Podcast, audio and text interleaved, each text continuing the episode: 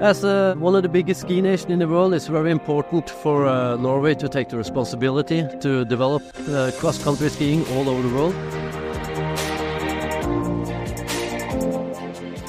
I think it's uh, super important and really nice uh, we have uh, camps like this where all athletes from uh, a lot of uh, nations uh, around the world can meet and we can share our knowledge and what we do for training and we have a lot of knowledge to learn as well, especially on, on roller skis.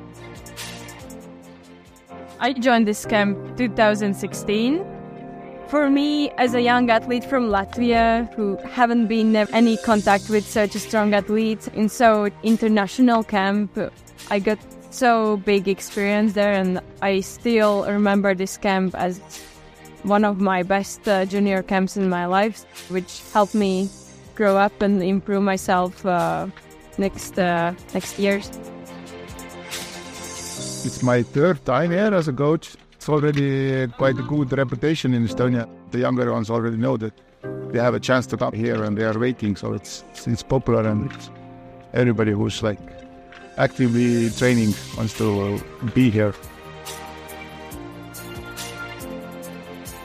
Eight years ago, I was uh, an athlete in this international junior camp.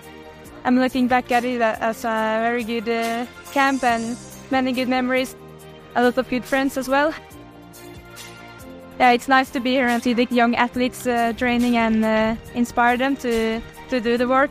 And maybe we will compete against each other in some years. When I was at this camp in 2018, we had uh, Astrid and uh, Johannes.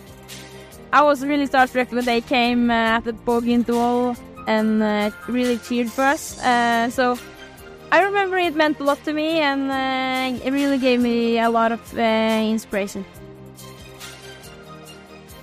I will uh, thank a lot for the support you gave us so we can bring the development countries here to the International Junior Training Camp with Equinor. Without the support, we couldn't have brought so many athletes here today.